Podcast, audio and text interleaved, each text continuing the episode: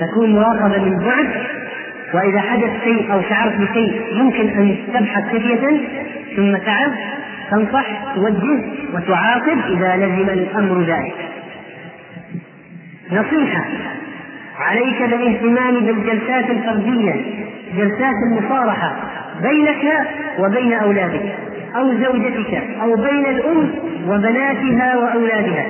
جلسات المصارحة التي تقول فيها للولد أشياء كثيرة. جلسات المصارحة التي يحس الولد من خلالها أنك تحبه أنك تحرص على مصلحته أنك تريد الخير له. وتكون بمعزل عن بقية الناس لا يكون فيها تشهير ولا يكون فيها تحطيم لمعنوياته وشخصيته. ونصيحة الحزم في تنظيم أوقات أهل البيت. بعض الناس بيوتهم مثل المطاعم والفنادق. متى ما شاء جاء أكل فلان متى ما شاء دخل فلان متى ما شاء نام فلان متى ما شاء استيقظ فلان. وترى الأولاد يضيع أوقاتهم في السهر وفي أشياء ضارة في المطعومات وإدخال الطعام على الطعام. ولذلك لا بد من الحزم في تنظيم الأوقات لأهل البيت. وليس هناك شيء اسمه التأخر عن البيت في غير طاعة الله عز وجل. نصيحة. احرص على جعل أوقات تناقش فيها الأمور والمشكلات العائلية. وليس المقصود عمل اجتماعات كما يقع في بعض الشركات اجتماعات عمل وإنما المقصود اختيار الوقت المناسب عند اجتماع الأهل واجتماع الأولاد في البيت مثلا فتناقش مثلا قضية عمرة رمضان.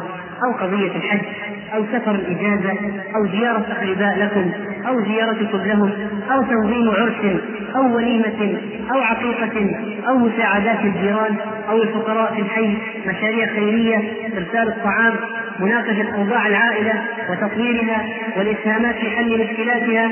إذا كانوا لا يرون بعضهم كثيرا لابد أن تناقش المشكلة كيف يرون بعضهم. فبعض البيوت أيها الإخوة فعلا مثل الفنادق كل واحد له غرفة بمفتاح انتهت القضية. لا يرون بعضهم ولا يجتمعون مع بعضهم. تقطعت بهم الأسباب. ولا بد أن يحاول ولي الأمر في بيت استشارة وأخذ رأي أهل البيت خصوصا في الأمور المهمة كنقل البيت مثلا. فلا يفاجئون بقرار مفاجئ لنقل البيت دون أن تؤخذ آراءهم في مثل هذه القضايا ولا بد أن تكون روح الجماعية مسيطرة على البيت. ليس روح الاستبداد والأحكام التعسفية. نصيحة. إذا حصل بينك بينك وبين زوجتك خلافات فاحرص على أن لا تصل هذه الخلافات أو تظهر هذه الخلافات أمام الأولاد. وكثير من العقد النفسية تنشأ في أنفس الأطفال نفوس الأطفال من كثرة ما يشاهدون من الخصومات بين آبائهم وأمهاتهم. إذا أردت لو أردت أن تثور يعني لا تثور أمام ولدك. طبعا هذا شيء طبعا مثالي قد يكون لكن لابد نحرص عليه نقع جميعا في هذا الخطأ. أن تعرض الخلافات العائلية أمام الأولاد. نقع جميعا. لكن لكن لابد أن نتواصى فيما بيننا على تلافي هذه القضية. ولا بد من الحرص على تماسك البيت وسلامة البناء الداخلي. وما أعظم الجريمة التي تحدث أحيانا أن يقول الولد والد أب لابني لا تكلم أمك. وتقول الأم لابنها لا تكلم أباك. نصيحة. لا بد من دراسة وضع عمل المرأة خارج البيت. وتأثير عمل المرأة على البيت. ويتنازع الناس في هذه المسألة عادة أمران سلبياته وإيجابياته. تجد الواحد بين سلبيات عمل المرأة خارج البيت وإيجابيات عمل المرأة خارج البيت. فمثلا بعضهم يقول عمل المرأة زوجتي خارج البيت مهم لأنها تعبت على الشهادة ودرست وخسارة أنها ترمي هذه الشهادة وتضيعها. بعضهم يقول تساعدني في البيت. قد يكون الزوج قليل ذات اليد قد يكون هذا سبب وجيه فعلا لتعمل المرأة. أو أن تساعد أهلها إن كانوا ضعفاء أو أن تسلي نفسها إن كانت غير ذات ولد. أو يكون لديها هدف كالدعوة إلى الله مثل ما يقع من بعض المدرسات الفاضلات. ولهذه المسألة أيضا جوانب سلبية كعدم إعطاء الزوج حقه.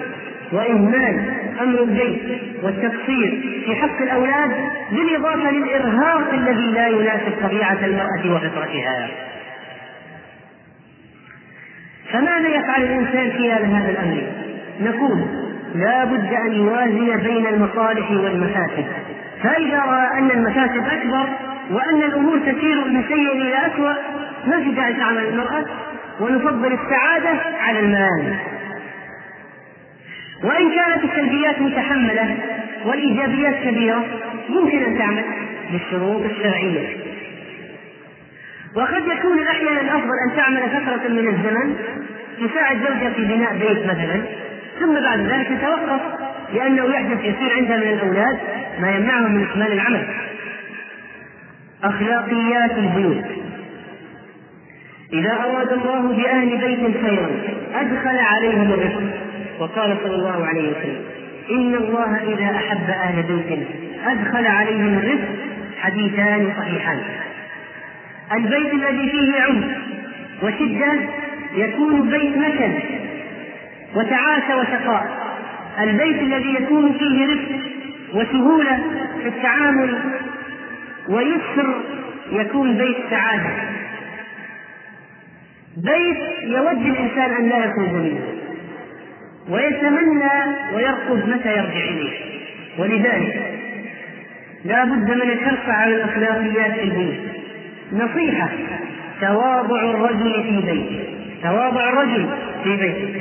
قالت عائشة رضي الله عنها كان صلى الله عليه وسلم يخيط ثوبه ويقصف نعله ويعمل ما يعمل الرجال في بيوتهم.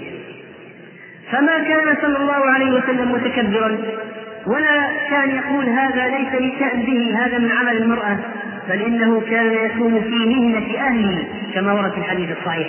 يساعدهم في العدل يساعدهم في الصبر بعض الآباء يترفعون انتبهوا معي.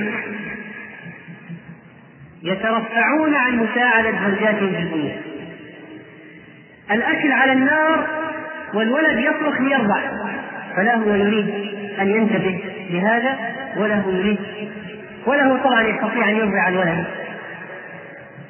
فإذا لا بد أن يقوم الرجل بشيء من مساعدة هذه. نصيحة عليك بملاطفة أهلك وممازحتهم مزاحا حقا ومعاشرتهم بالمعروف. حتى لا يصبح البيت مثل الشركة تعاملات رسمية البيت يختلف. بعض الآباء يدخلون بوجه كالح عبوس مقطج إلى البيت إذا دخل سكت المتكلم وسيقظ النائم وخاف الآمن. هذا بيت لا يصلح أن يكون بيت لا يمكن أن يكون بيتا سعيدا أبدا. ورسول الله صلى الله عليه وسلم كان يداعب زوجاته ويمازح زوجاته وكان يلاطفهن بالكلام وكان يقول لعائشة كلاما كثيرا لعله يكون بسط هذا الكلام في موضوع العشرة الزوجية التي سنتكلم عنها بعد رمضان إن شاء الله من خلال ما نناقش من مشكلات الحياة العائلية والزوجية بالذات. بعض البيوت أيها الإخوة كئيبة لأن الآباء لا يلاطفون أولادهم. لا يعرف الولد الطفل لا يعرف حنان الأب. لا يعرف ملاعبة الأب. هذا الولد كيف سينشأ؟ كان صلى الله عليه وسلم أخبروني بمعنى هذا الحديث ومدلوله كان صلى الله عليه وسلم إذا قدم من سفر تلقي بصبيان أهل بيته رواه أحمد ومسلم وغيرهما حديث صحيح. كان إذا قدم من سفر تلقي بصبيان أهل بيته. ماذا يدل الحديث؟ على حب على حب الصبيان له. على اشتياق الصبيان له. فإنهم ما أن يسمعوا بمقدمه يسمعوا حتى يخرجوا لملاقاته صلى الله عليه وسلم. نصيحة. لا بد من مقاومة الأخلاق الرديئة في البيت. والقضاء على الكلمات والألفاظ البذيئة التي تدور كثيرا داخل البيت داخل بعض البيوت. روى الإمام أحمد وغيره عن عائشة رضي الله عنها أنه صلى الله عليه وسلم انظر لهذه العملية التربوية. كان كان إذا اطلع على أحد من أهل بيته كذب كذبة. كان إذا اطلع. على أحد من أهل بيته كذب كذبة. لم يزل معرضا عنه حتى يحدث توبة حديث صحيح. ومن الأمور المعينة على الأدب ما أرشد إليه عليه الصلاة والسلام. في الحديث الحسن علقوا الصوت حيث يراه أهل البيت فإنه أدب لهم. علق الصوت العصر في موضع حيث يراه أهل البيت فإنه أدب لهم لأن الأعوج عندما يرى وسيلة العقاب يخاف. فبعض الناس الذين لا يصلحهم الوعظ ولا تصلحهم النصيحة اللفظية والكلامية قد يصلحهم العقوبة. ودعوا عنكم نظريات الغرب الزائفة الذين يقولون إن الضرب ليس وسيلة تربوية فيمنعونه باطلاق هذا هراء والدليل على نفس هذه النظرية قوله صلى الله عليه وسلم واضربوهم عليها لعشره طبعا لا يعني ابدا ولا نقول مطلقا أن الإنسان أول علاج يعمله في مواجهه السلبيات هو الضرب. كلا. يعمد أحدكم إلى أهله يجلد أهله جلد العبد زوجته ثم لعله يضاجعها بعد ذلك؟ لا يجوز. آخر شيء الضرب والعقوبة. لكن لا بد من وضع شيء يشير إلى أن هناك احتمال لاستخدام العقوبة في وقت من الأوقات. الأطفال في الهند ملاعبة الصبيان كما سبق وأن ذكرنا قبل قليل من سنته وهديه صلى الله عليه وسلم. وقد ورد في الحديث الصحيح. عن أبي هريرة رضي الله عنه تاملوا يا جماعة في شخصية نبينا صلى الله عليه وسلم. تأملوا في شمائله في أخلاقه. تأملوا في هديه في سنته. تأملوا في سيرته وطريقته. كان رسول الله صلى الله عليه وسلم لا يدلع لا يدلع لسانه. للحسن بن علي. يدلع لسانه يعني يخرج لسانه للحسن بن علي. فيرى الصبي حمرة لسانه فيبهش إليه. فيرى الصبي حمرة لسانه صلى الله عليه وسلم. فيرى الصبي حمرة لسانه فيبهش إليه. في السلسلة الصحيحة رقم سبعين. ومعنى يبهش يعني يسرع يقال الإنسان إذا نظر إلى الشيء فأعجبه. واشتهاه فأسرع إليه يقال قد بهت إليه. نصيحة تعليم الأولاد وتأديبهم وإلقاء القصص عليهم ما كان قبل اليوم وغيره. القصص أيها الإخوة لها وقع خاص جدا في نفوس الأطفال وكثير من الآباء والأمهات لا يدركون هذه القضية. فيتركون أولادهم نهبا لقصص الله ما أدري ما أسماء القصص الموجودة؟ ميكي ماوس وقصص سوبرمان أحيانا بعض القصص غير غير الحسنة في مجلة ماجد وغيرها. يتركون أولادهم نهبا لهذه الأشياء مع أن لدينا ثروة عظيمة جدا من القصص التي تذكر بها مصنفات المسلمين. آه ولا أجمل من أن يجمع الأب أولاده ليقص عليه القصة.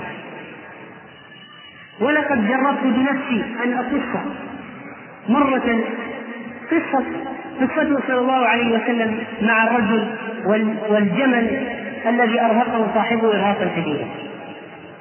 وقصة إبراهيم في تحسين الأصنام وكيف أنقذه الله. وقصة موسى عليه الصلاة والسلام وكيف كان يتهادى ذلك الصبي على الماء ماء النهر حتى وصل إلى بيت فرعون. وقصة عمر بن الخطاب مع المرأة وأولادها. لما كان عمر يعس في الليل مع صاحب له فوجد خيمة بعيدة فيها امرأة عجوز وأولاد يبكون من الجوع. فذهب وسألهم ثم أتى وأدخل إليهم المؤونة وطبخ لهم وأكلوا ثم ذهب يتفرج عليهم من بعيد وهم يقفزون يلعبون حتى ناموا.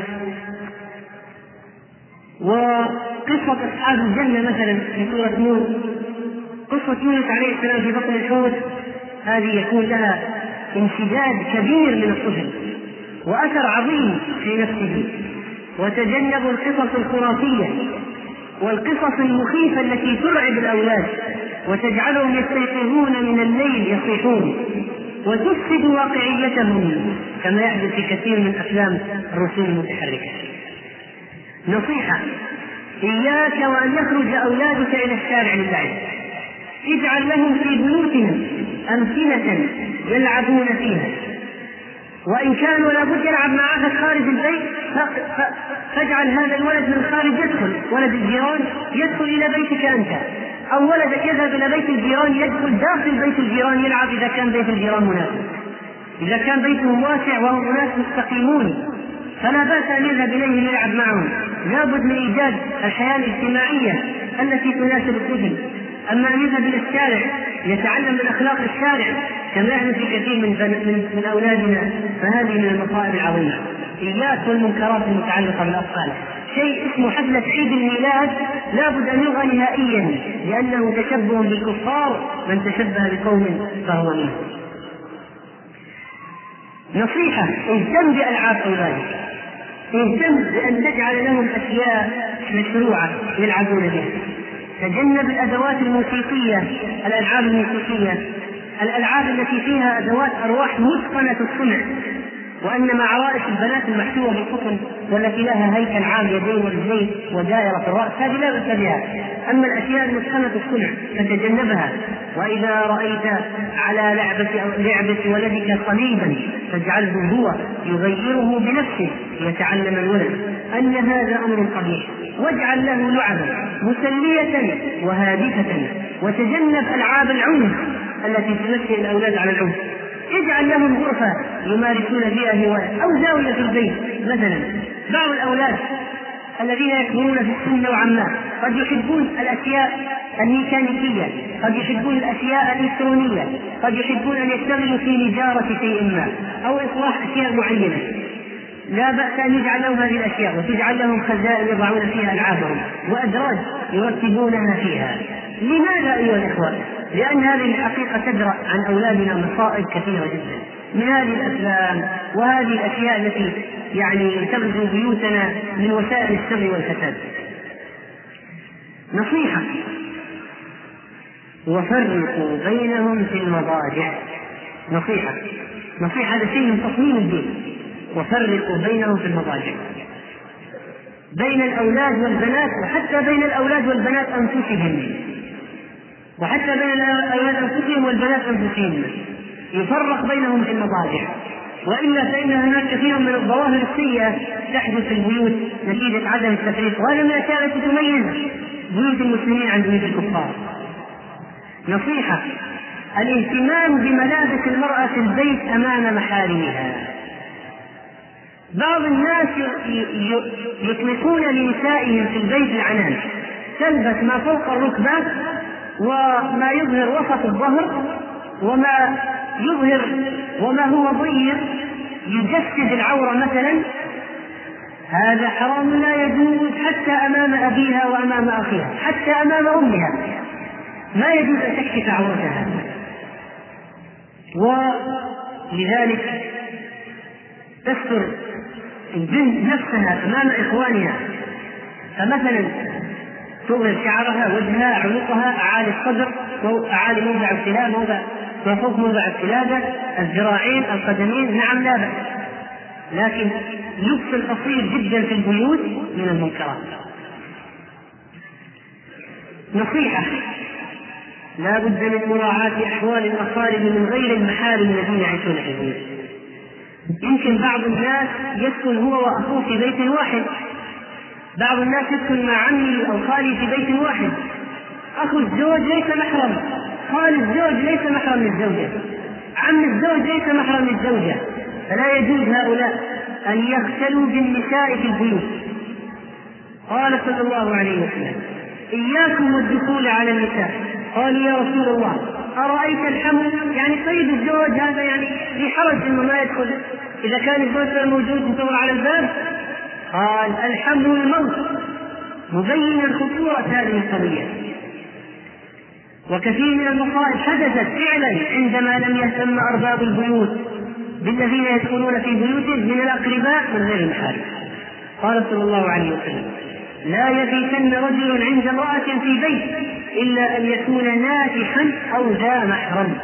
قالها عما جدا هو لا محرم. نصيحة. السائل. وما أدراك ما السائل؟ الأصل أيها الإخوة أن لا يكون هناك جانب في البيت. الأصل لا نجيب سائقين ولا نجيب خدم. هذه من البلاوي. ولكن افرض أنك اضطررت وصرت تحت الأمر الواقع. طيب على الأقل يعني على الأقل لابد أن يكون السائق مسلما أمينا لا يرتدي إلا عند الضرورة لا يترتب على وجوده في البيت فتنة. أن يكون مسكنه ليس داخل البيت مع الناس في البيت. أن يؤتى بزوجته معه. وكذلك الخدم في البيت. هذه من المصائب التي ابتليت بها بيوت المسلمين. الآن في خدم يترتب على وجودهم في البيوت من المعاصي التي لا يعلم بها إلا الله. فساد وخراب لا يعلم به إلا الله. وراودته طيب حتى حتى لنا في التاريخ عظة وراودته التي هو في بيتها عن نفسه وغلقت الأبواب. أنت بعض الناس يقول الشر من الخادم ومن السائق. أحيانا يكون السائق مسكين. والخادم مسكين. ويكون الشر من اين؟ وراودته التي هو في بيتها عن نفسه وغلقت الأبواب. كان الزوج غائبا في العمل. وفي صحيح البخاري إن ابني كان عفيفا عند هذا فزنى بامرأته. صار في شكوى عند الرسول صلى الله عليه وسلم يقول هذا كان ولدي خادم عند هذا فزنى بامرأته أخبرنا ما هو الحكم يا رسول الله. هذا لأنه لأن الخادم فيه تساهل يدخل البيت بغير شبهة. خادم خادم. وكذلك الخادمة. خراب بيوت أولاد زنا فساد العلاقات الزوجية. لو حدث عندك زوجة لو حدث عندك خادمة لو حدث واحرص أن لا يحدث على الأقل تكون مسلمة. لو ما أسلمت كفرها فورا. أخرج اليهود والنصارى من جزيرة العرب فما بالكم بغير اليهود والنصارى؟ من الوثنيين وعباد عباد الأوثان وعباد الكواكب وعباد البقر وعباد بوذا أن تكون متحجبة لا تري مفاتنها للشباب في البيت. لا يكون هناك خلوة لا يكون هناك أثر سيء على الأولاد.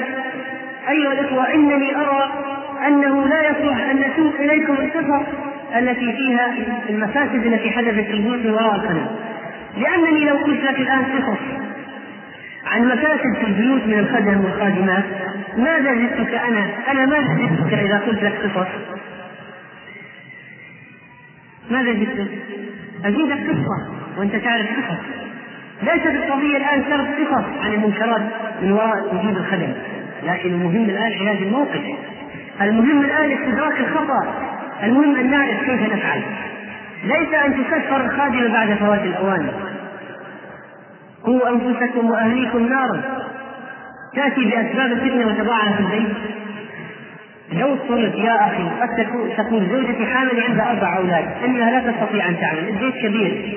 ممكن أحيانا يكون هناك رجل تكون أنت في البيت هو ينظف البيت ممكن تكون خادم أو خادمة مثلا تلف على مجموعة من البيوت ما تكون مستقره في البيت تستأجر لساعات تفعل الغرض وتمشي نستخدم المغاسل السريعة نستخدم أطباق الورق لابد نحل المشكلة.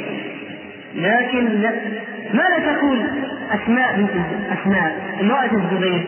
تقول كنت لا العدل كنا نسوة من الأنصار كنا نسوة صدق يعجبن لي يساعدنني في الخبز يتساعد الإنسان مع بعضهم الزيارات الزيارات مع بعضهم. ليست ليس الحل أن يأتي بالخادم نصيحة مراقبة الهاتف في البيوت كم جر الهاتف على بيوت من مصائب؟ وكم كان الهاتف سببا في تدمير بيوت بأسرها وكم كان سببا في إدخال الشقاء والتعاسة إلى أفراد بيوت المسلمين؟ أو جر بعض الأفراد أو بعض بعض الأفراد وجرهن إلى مهاوي الرذيلة والفساد. وأقل ما فيه من بعض المفسدات أنه مضي على الوقت في بعض الأحيان. ما هي خطورة الهاتف؟ أنه منفذ مباشر من خارج البيت خارج الأسوار خارج الأبواب خارج الجدران. منفذ من خارج البيت إلى داخل البيت. منفذ مباشر. هذه خطورة الهاتف. ولذلك آلة ذو حدين. إذا لم يحسن استخدامها عمت المعاصي وانتشرت المنكرات ولا داعي مرة أخرى أقول لكم لا داعي لأسرد عليكم كثيرا من القصص التي كان فيها عدم استخدام الهاتف والرقابة عليه من جهة أولياء الأمور في البيوت كم كانت سببا في مصائب عظيمة لا يعلمها إلا الله. لابد تكون هناك يكون وعي تكون رقابة. يا أخي عندما تسمع أصوات في الليل كلام في الهاتف البنت تكلم الساعة 12 بالليل غير شيء غير طبيعي. اين الغيره على النساء؟ وعندما يمسك الهاتف ساعات طويلة جدا. لا والتربية الإسلامية كفيلة بجعل استخدام هذا الجهاز صحيحا حتى لو غاب رب الأسرة. وآخر الدواء الكي لو ما ما في إلا فصل الحرارة فصلنا الهاتف لو في النهاية ما في إلا هذا. واحرصوا على عدم تخون أهليكم. بعض الناس يقول ها مع مين كنت تتكلمي؟ ها أنا اتصلت اليوم من العمل ثلاث مرات كان تليفون مشغول في أوقات مختلفة.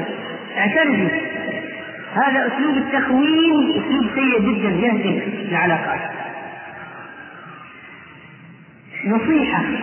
واحذروا الاختلاط في البيوت عند الزيارات. زيارات الأصدقاء أو الزيارات العائلية جلوس غير المحارم مع المحارم جلوس غير المحارم مع نسائكم في البيوت. هذه المصائب والله. وهذا حرام لا يجوز وقد قدمنا من الأدلة ما يشير إليه. إزالة المنكرات في البيوت التلفزيون الفيديو الذي يعرف الأفلام السيئة. لابد لو ما أمكنك أن تزيل هذه المنكرات طيب آتي بالبدائل في البدائل متى لا يمكنك الإزالة؟ بعض الناس يلعب عليهم الشيطان يقول ما أستطيع ازيله لا تستطيع تزيله كيف ما تستطيع تزيله؟ لكن أحيانا يقول الشخص أنا لست صاحب لست يعني لست صاحب سلطة في البيت صحيح. هنا فعلا قد تعجز عن إزالة المنكر. لو كثرت أتوا بأحسن منه. لو أخرجته أتوا بآخر. أو أخرجوك أنت. قد لا تكون صاحب سلطة نعم. عند ذلك لا بد من الحرص على إيجاد البدائل. أعطيها في إخوانك الصغار بدل ما يتفرجون على هذه الأفلام. أعطيهم أعطيهم أشرطة ألعاب في الكمبيوتر. من هذه الأشياء يعني بعض ألعاب الكمبيوتر سيئة وبعضها ما في شيء. لا حرج لك. هات أفلام فيديو فيها محاضرات إسلامية. على الأقل تشغلهم عن الاشياء الاخرى السيئه هذا لو ما استطعت تخرجه أصلا. والحذر من وسوسه الشيطان فإن بعضهم يحدث بهذه الاجهزه في البيوت ويقول أشوف فيها الطنطاوي والشعراوي طيب. من إزالة المنكرات نصيحه أخرى إخراج الأصنام والتماثيل وصور ذوات الأرواح. قال صلى الله عليه وسلم إن البيت الذي فيه الصور لا تدخله الملائكة. أتاني جبريل فقال إني كنت أتيتك البارحة فلم يمنعني من أن أكون دخلت عليك البيت الذي كنت فيه إلا أنه كان على البيت تماثيل وكان في البيت قرام قرام ستر فيه تماثيل. فمر برأس التمثال الذي في البيت فليقطع فيصير كهيئة الشجرة. ومر بالستر فليقطع فيجعل وسادتين منبوذتين في طآن. حديث صحيح. إيش معناها؟ معناه إخراج هذه الأشياء من البيوت إخراج ذوات الأرواح التماثيل الصور. المعلقة على الجدران. وإذا كان لابد أعطيهم بدائل. صور مناظر طبيعية أشجار أنهار صورة مسجد الأقصى. صور من هذه الصور التي لا محذور شرعي فيها. إذا كان ولا بد عندهم من وضعها على الحيطان. وإخراج الكلب من البيت. وبعضهم يستهين بوضع الكلاب في البيوت حديث صحيح. لولا أن الكلاب أمة من الأمم لأمرت بقتلها فاقتلوا منها كل أسود بهيم. وما من أهل بيت يرتبطون كلبا إلا نقص من عملهم كل يوم قيراط إلا كلب صيد أو كلب حرث أو كلب غنم. كلب الحراسة هذا لا بأس به أما تقليد الكفار بوضع الكلاب في البيوت من اقتنى كلبا ليس بكلب صيد ولا ماشية ولا أرض فإنه ينقص من أجر الخيراطان كل يوم. رواه مسلم. من إزالة المنكرات في البيوت منع استخدام الأشياء المحرمة كالتدخين والشيشة وغيرها ابتداء وانتهاء. بعض الناس يتساهلون مع الضيوف يا أخي ضع ملصقات وصرح إذا جاء يدخن كل لا مجال للتدخين عندي في البيت. لا أسمح لك. ليس هناك في البيت الاسلامي قصايات ولا ولاعات ولا مناطق سجاير ومن أحكام البيوت. نذكر الآن طائفة من أحكام البيوت. لا تدخلوا بيوتا غير بيوتكم حتى تستانسوا وتسلموا على اهلها حكم آخر. ليس عليكم جناح أن تدخلوا بيوتا غير مسكونة فيها متاع لكم. فإذا دخلتم بيوتا فسلموا على أنفسكم تحية من عند الله. ليس البر أن تأتوا البيوت من ظهورها ولما تحرج بعض الصحابة من الأكل من بيوت أقربائهم إذا ما وجد الخليل في البيت قالوا إذا ما وجد رب الأسرة كيف آكل أنا من بيت من بيتي؟ هذا حرام ما أذن لي فنزل قول الله عز وجل في رفع الحرج ولا على أنفسكم أن تأكلوا من بيوتكم أو بيوت آبائكم. أو بيوت أمهاتكم أو أو بيوت إخوانكم أو بيوت أخواتكم أو بيوت أعمامكم أو بيوت عماتكم أو بيوت إخوانكم أو بيوت خالاتكم أو ما ملكتم مفاتحه أو صديقكم. لو ما كان موجود وأنت تعلم أنه راضي أن تأكل في بيته طبعا بدون ما يكون في وجودك حرام مثل الخلوة فلا بأس أن تأكل من ذلك البيت كما هو نص الآية. من أحكام البيوت يا أيها الذين آمنوا ليستأذنكم الذين ملكت أيمانكم والذين لم يبلغوا الحلم منكم ثلاث مرات. أولادك الصغار والخدم الأطفال والخدم ما يدخلون عليك في مضجعك في غرفة النوم أبدا إلا بعد الاستئذان. حتى لا يكون الرجل أو الزوج والزوجة في وضع لا يصلح أن يراه الأطفال. فما هي هذه الأعراف الثلاث؟ بعد صلاة من قبل صلاة الفجر لأن الواحد يكون نام لا يقدر يكون متكشف وحين تضعون ثيابكم من الظهيرة لأنه وقت قيلولة أيضا. وبعد صلاة العشاء لأنه وقت النوم. فلا يدخلوا حتى يستأذنوا ولا يهجموا على المخدع وعلى البيت هجوما على غرفة نوم الرجل مثلا. وإذا بلغ الأطفال منكم الحلم يعني إذا صاروا بالغين فليستأذنوا كما استأذن الذين من قبلهم يعني من الأجانب ومن الأطفال الذين من قبلهم من الأجانب. فيصير الأولاد إذا بلغوا ما يدخل على أبيه وأمه حتى لو في غير هذه الأوقات الثلاث. وبعض الناس يتساهلون فتحدث تصرفات شاذة من الأطفال في البيوت وأظنكم تعلمون وتفهمون ما من الأحكام. حق المرأة على الزوج أن يطعمها إذا طعم ويكسوها إذا اكتسى ولا يهجر إلا في البيت، ما يهجرها خارج البيت تتركها في البيت لوحدها، هذه من أحكام البيوت، تبغى تهجر تهجر في الفراش، ما تهجرها وتخرج برا البيت أيام تنام برا، لا يجوز. ثانيا لا يجوز إخراج المطلقة الرجعية من البيت، لابد تجلس معك، ما توديها عند أهلها إذا طلقتها. العدة المرأة المطلقة الرجعية في البيت حتى يتمكن الزوج من المراجعة. لا تخرجوهن من بيوتهن. حكم آخر لا يؤم الرجل في سلطانه ولا يجلس على تكليمته في بيته إلا بإذنه. ما تؤم صاحب البيت لو صليت جماعة في البيت بسبب شرعي. ولا تجلس في البيت حتى تستأذن ولا تقوم من البيت حتى تستأذن. إذا مات الميت في البيت الملائكة تؤمن على دعاء من؟ فإن الملائكة تؤمن على ما يقول أهل الميت القسط في البيت إذا ولغ في الآنية قال صلى الله عليه وسلم النور من أهل البيت وإنه من الطوافين أو الطوافات عليكم. ولذلك لو شرب من إناء فالماء يبقى طاهر وليس بنجس. هذه خصوصية للقسط. بالنسبة للأضاحي عن عن أهل على كل أهل بيت أن يذبحوا شاة في كل رجب كما ثبت الحديث الصحيح استحبابا طبعا وفي كل أضحى شاة ومن قال بوجوب الأضحية أهل البيت إذا كانوا أهل بيت يعيشون في بيت واحد على الأضحية واحدة. من الأحكام من بات على ظهر بيت ليس عليه حجاب فقد برئت منه الذمة لأنه قد يسقط ما في حاجز قد يتدحرج أثناء النوم يسقط. نهى عن الوحدة أن يبيت الرجل لوحده يحرص أن يكون معه أحد آخر قدر الإمكان. كذلك لا يجوز النظر من خلال أبواب البيوت ولا وإذا فقع فقأت عين الانسان ينظر فليس لها ومن السنن في البيوت. اقرأوا سورة البقرة في بيوتكم فإن الشيطان لا يدخل بيتا تقرأ فيه سورة البقرة.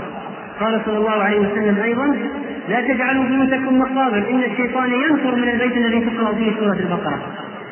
إن الله تعالى كتب كتابا قبل أن يخلق السماوات والأرض بألفي عام وهو عند العرش وإنه أنزل منه آيتين. ختم بها بهما سورة البقرة ولا يقرآن في دار ثلاث ليال.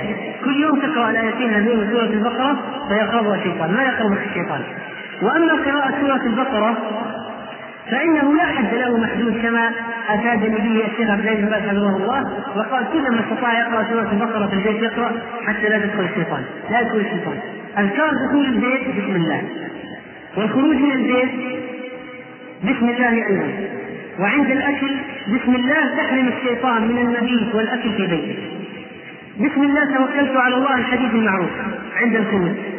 وكان صلى الله عليه وسلم إذا دخل بيته بدأ بالسواك بدأ بالسواك وأما بالنسبة لاختيار البيت شوف لا بد أن يكون بيتك فيه مميزات.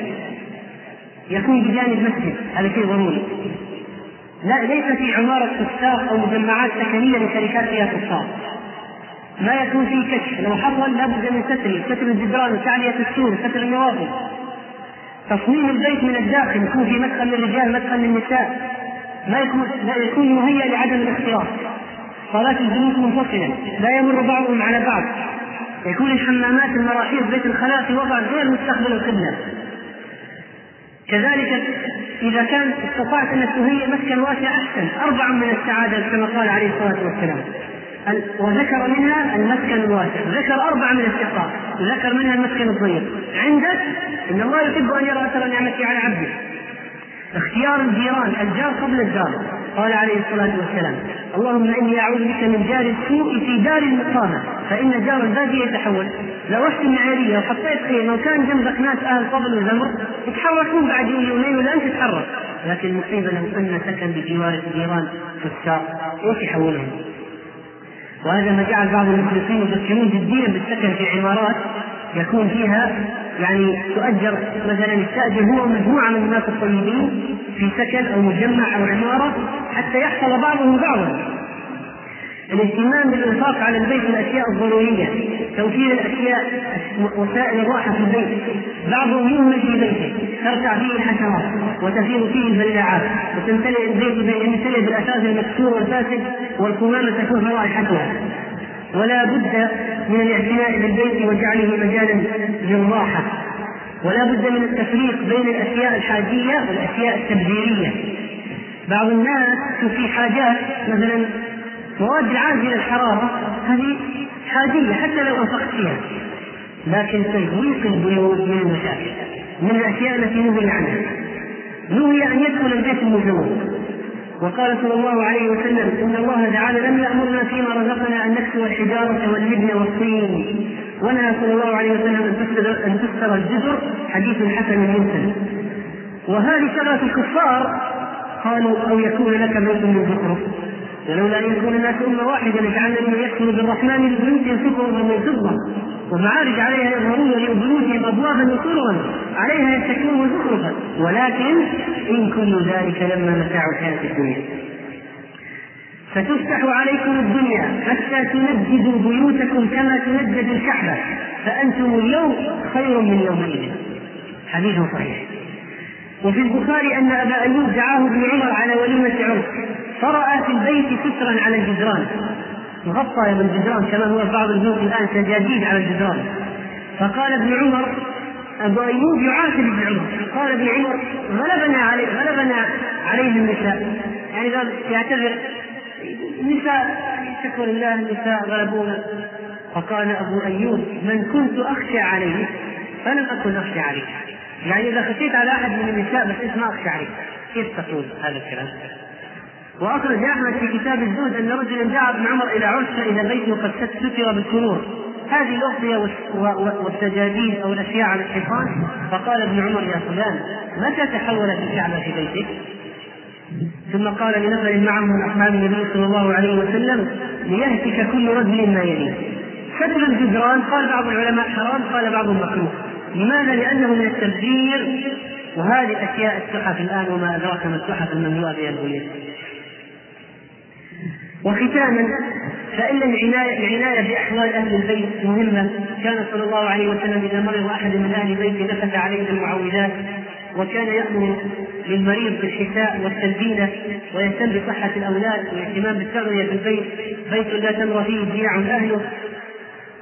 آه الحرص على الأشياء الصحية، خمروا الآنية، أوكئوا الأسقية، أجيبوا الأبواب، أطفئوا المصابيح، وقال صلى الله عليه وسلم لا تتركوا النار في بيوتكم حين تنامون. لا تتركوا النار في بيوتكم حين تنامون. هذا من الاهتمام أيضا بالأشياء اللي في البيت. كل ما فيه ضرر وأذى لا بد من إزالته قبل النوم. هذه جوانب ولمحات ايها الاخوه من الوسائل والنصائح التي نعالج بها ونخرج بها بيوتنا نسأل الله سبحانه وتعالى أن يجعلنا وإياكم ممن يستمع القول فيتبع أحسنه. وممن صلحت بيوتهم وذراريهم ونساؤهم واهلهم أقول قولي هذا وأستغفر الله لي ولكم. السلام عليكم ورحمة الله وبركاته.